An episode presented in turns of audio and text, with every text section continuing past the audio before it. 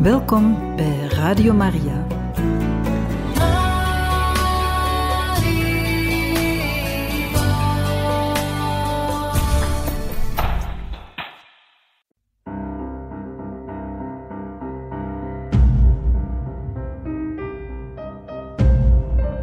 Het woord spreekt.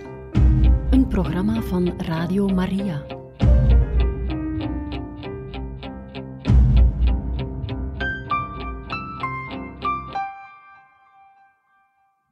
Beste luisteraars, van harte welkom bij het woord spreekt.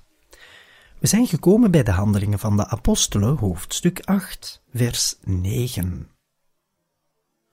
Al eerder had een zekere Simon in die stad magie bedreven en de bevolking van Samaria versteld laten staan. Hij zei van zichzelf dat hij een groot man was, en iedereen van groot tot klein was op zijn hand. Ze zeiden, dit is nu de grote kracht van God. Ze waren op zijn hand omdat ze telkens weer versteld stonden van zijn magische kunsten. Maar toen ze Filippus gingen geloven, die hun de goede boodschap bracht van Gods koningschap en de naam van Jezus Christus, lieten ze zich dopen, mannen zowel als vrouwen. Ook Simon zelf kwam tot geloof en bleef na zijn doop voortdurend bij Filippus. Hij stond versteld van de tekenen en machtige daden die hij zag gebeuren.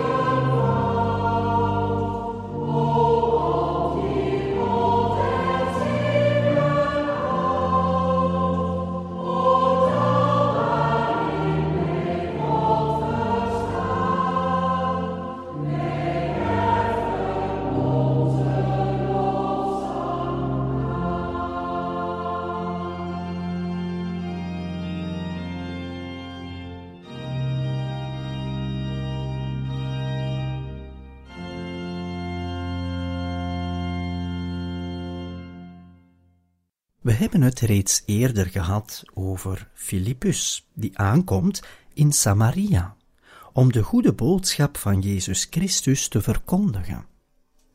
Filippus arriveert dus in die stad niet in eigen naam, maar altijd in naam van Jezus Christus. En dat is het belangrijke van de verkondiging van de christelijke leer. Men doet dat nooit in eigen naam Vanaf het moment dat men spreekt vanuit zichzelf, dat men dus alleen maar rekent op eigen kunnen en doen, is men niet meer in de zin van het evangelie.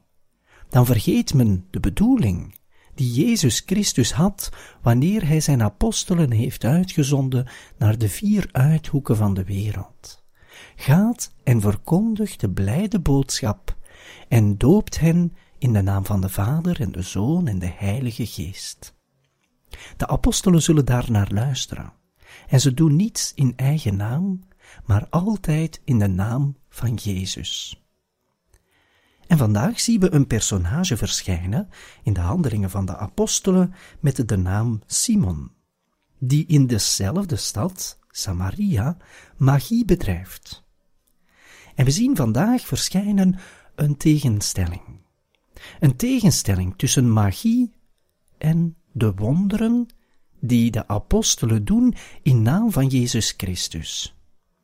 De magie wordt gedaan in eigen naam, zeg maar.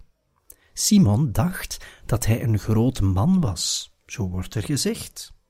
Hij zei van zichzelf dat hij een groot man was. En iedereen van groot tot klein was op zijn hand. Simon die kende misschien wel iets van magie.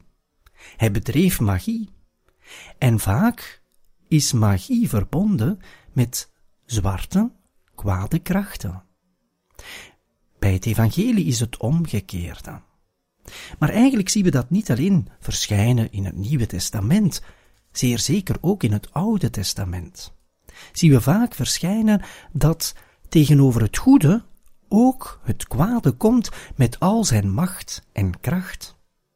Denken we maar bijvoorbeeld aan de tekenen die gepredikt zullen worden door Mozes wanneer hij naar de farao gaat met de vraag: laat het volk van Israël vertrekken uit Egypte. Mozes samen met Aaron zullen grote tekenen verrichten. Maar vaak worden die tekenen zelfs gekopieerd door de magiërs van de farao, zo staat er. Het kwade heeft ook een macht. En dat moeten we erkennen, zonder er angst voor te hebben. Filippus hier, in de handelingen van de apostelen, heeft geen angst voor magie, heeft geen angst voor die Simon die denkt dat hij een groot man is, heeft geen angst voor de achting die de vele mensen in Samaria hebben voor die Simon die magie bedrijft. Maar zonder angst verkondigt hij niet in zijn eigen naam, maar in naam van Jezus Christus de blijde boodschap.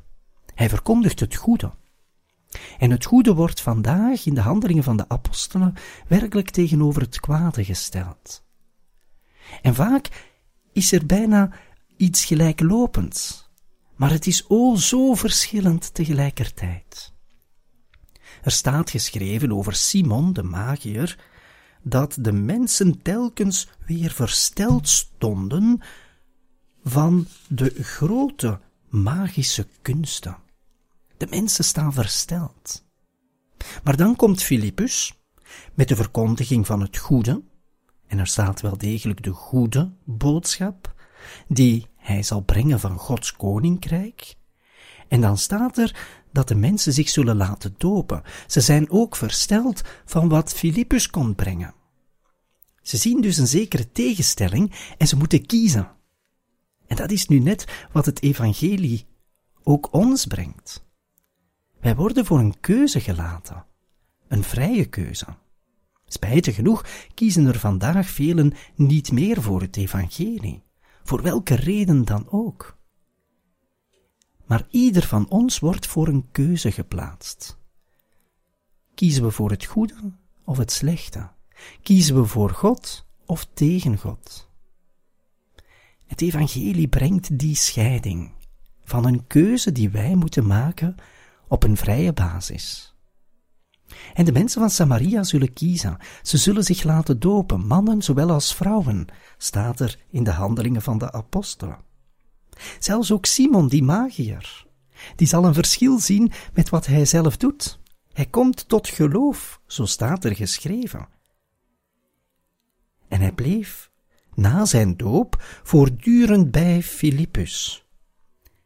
En wat zegt hem de auteur nog van de handelingen van de apostelen, hij stond versteld van de tekenen en machtige daden die hij zag gebeuren. De mensen waren versteld in de eerste plaats over de magische kunsten van Simon.